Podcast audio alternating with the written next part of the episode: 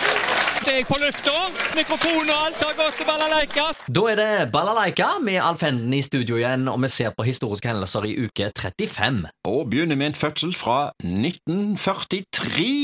En som var god på sikksakk-skidu, var født. Å ja. Jean-Claude Killy, fransk alpinist altså, eh, på sikksakk-ski da, og nedoverski. Killys beste år var utvilsomt 1968, med tre OL-gull i Grenoble, og han var også sammenlagt vinner av verdenscupen det året der. Han står med gullskrift både i fransk idrett og OL-sammenheng. 1954 ble Aleksandr Lukasjenko født, president i Hviterussland siden 1994. Han er jo diktator. Mm. Ja. ehm, hva tror vi er best av ehm, demokrati og diktatur? Hva tror vi funker best? Det, det, Ja, det var det.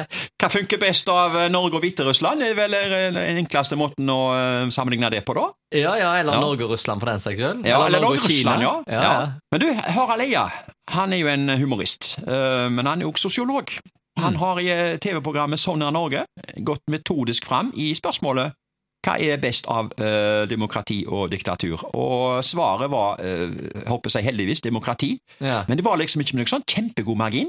Nei, nettopp. Ja, for det var enkelte fordeler med, med diktatur òg, Ja, for altså. eksempel at ting blir gjort. Ja.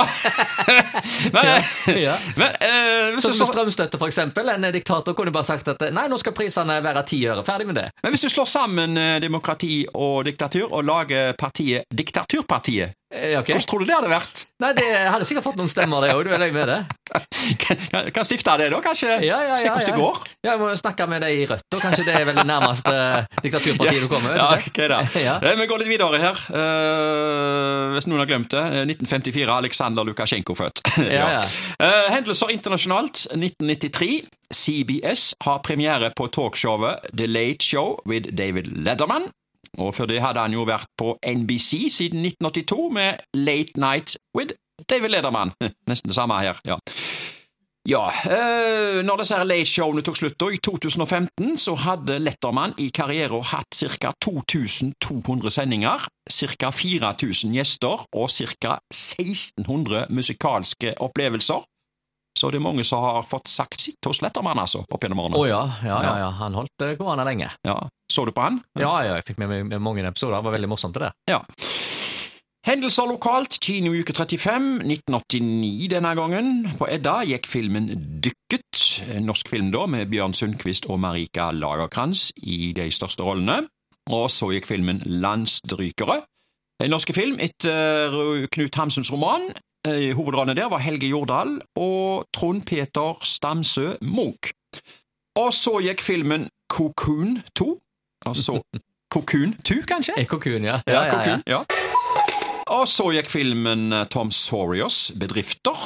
Og så tar jeg med en film til. 'Bryllupsfesten'. En norsk film da, med et kobbel av eh, kjente skuespillere her. Jeg bare siterer her, nevner der. Eh, Leif Juster, Aud Skjønemann, Harald Heide Steen jr. og Anne Marie Ottersen. Og ja, lista var lang. ja.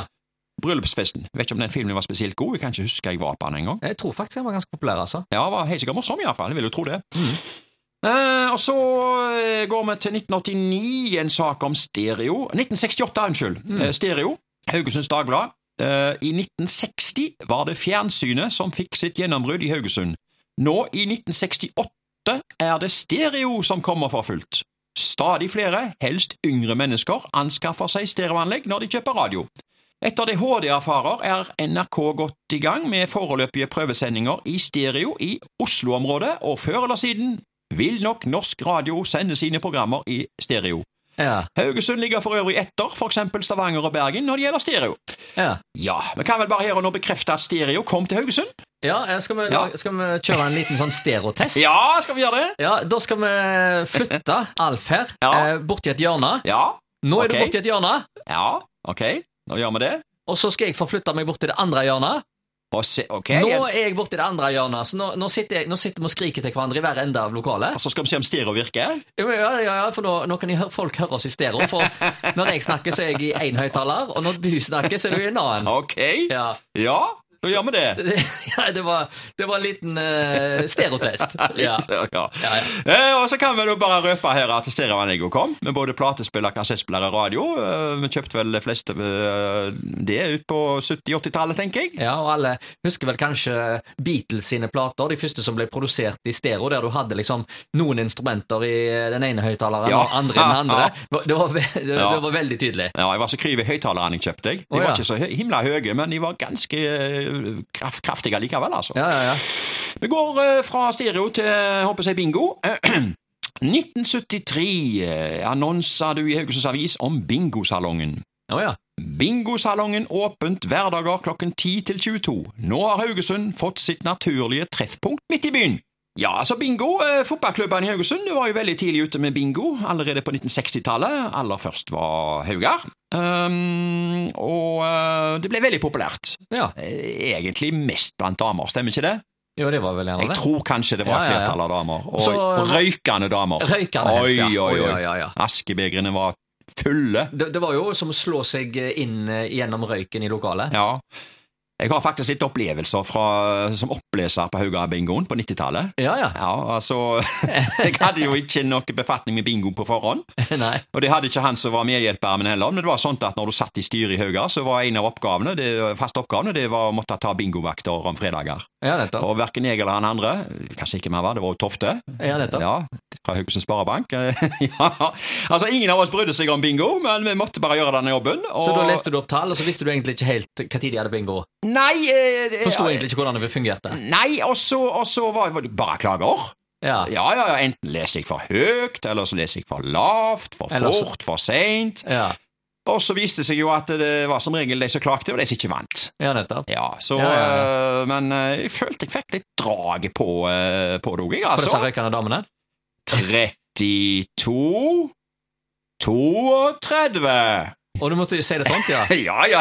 Ikke 24, altså. Nei, nei, nei. nei, nei. Å, nei. Eh, nei.